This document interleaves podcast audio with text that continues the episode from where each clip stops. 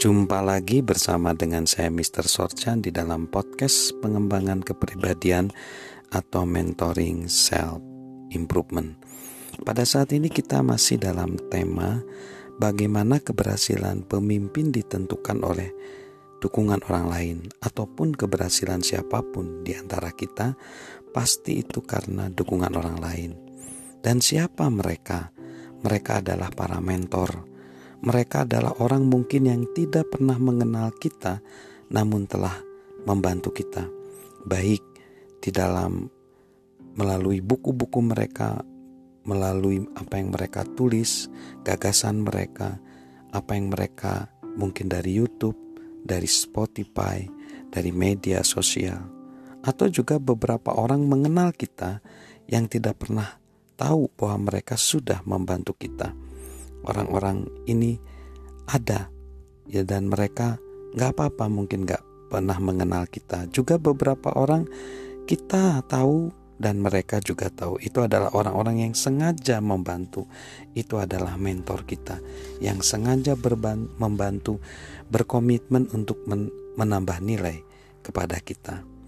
Nah siapakah sebenarnya mentor-mentor di dalam hidup kita yang mengulurkan tangannya untuk mengang mengangkat kita ke tempat yang lebih tinggi, untuk mengangkat kita menjadi pribadi yang berhasil.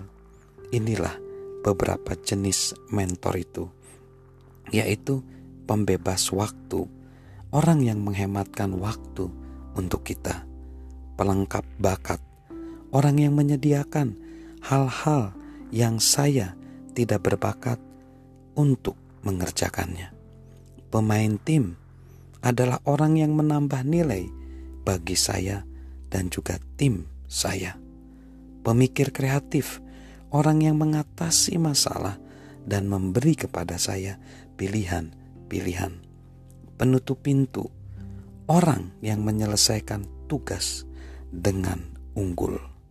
Pengembang orang, orang yang mengembangkan dan membesarkan pemimpin dan produser lain pemimpin hamba, orang yang memimpin dengan sikap yang benar.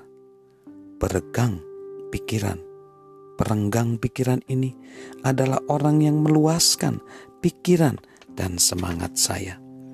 Pembentuk jaringan relasi, orang yang membawa orang-orang lain ke dalam hidup saya dan menambah nilai bagi saya.